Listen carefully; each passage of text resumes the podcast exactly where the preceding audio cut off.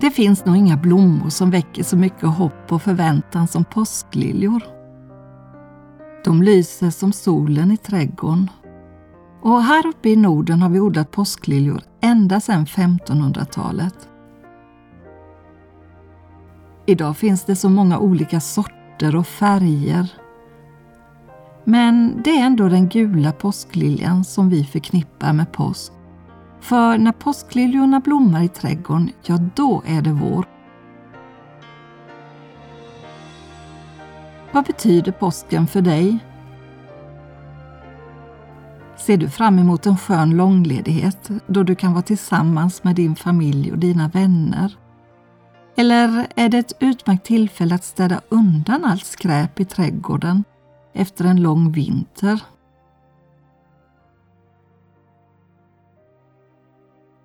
Men du, innan påsken är inne kan man även förbereda hjärtats trädgård så att påsken får en djupare innebörd och glädje när den väl kommer.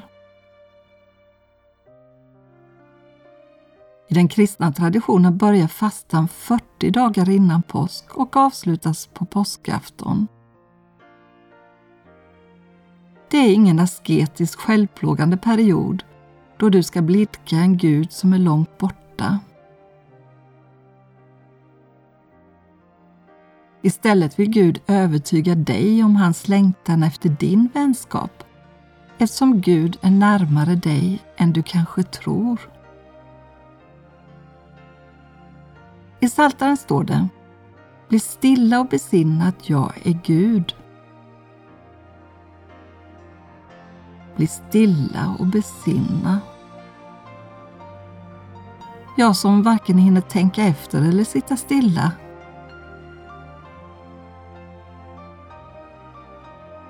Har du tänkt på att dygnet faktiskt har 24 timmar och du är vaken under 16?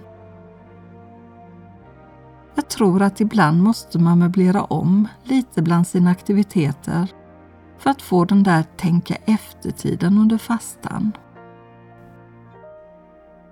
I vårt land hör man inte så mycket om Jesus längre. Men du kan själv läsa de fyra första böckerna i Nya testamentet för att ta reda på vad Jesus egentligen sa och gjorde när han vandrade på jorden. Du kan fråga dig vilken betydelse Jesusorden har i ditt eget liv. När du går ut i din trädgård för att påta i rabatterna efter arbetsdagens slut kan du ta med dig tre frågor. När under dagen lärde jag mig något om mig själv? När under dagen lärde jag mig något om Gud?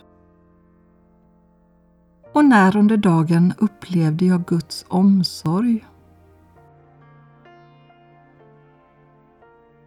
Gud tycker inte att vi ska krångla till det när vi pratar med honom. Han vill istället att vi ska vara ärliga och uppriktiga.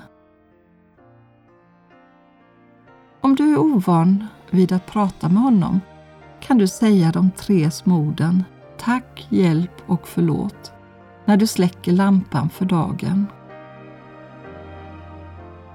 Istället för att lyssna på de dåliga nyheterna på radion det första du gör på morgonen kan du få dagens bibelvers direkt i mobilen när du vaknar.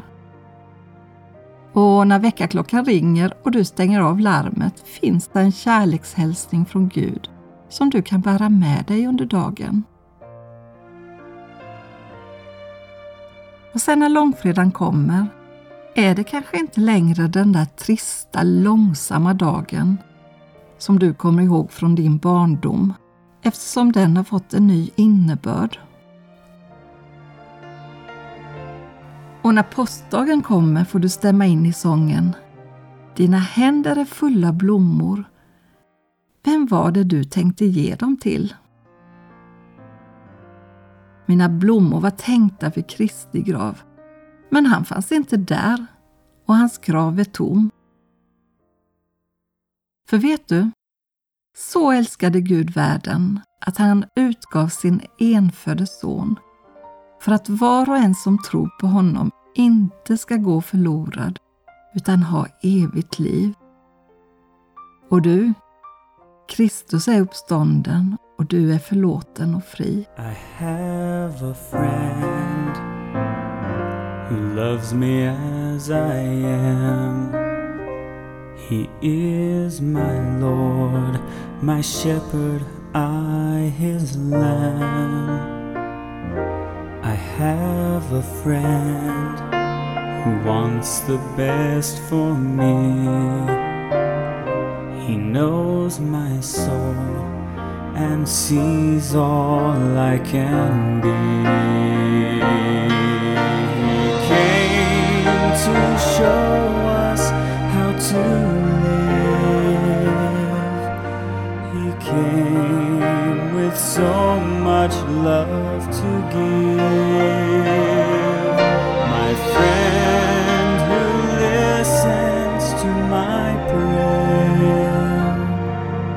My Savior, He is always.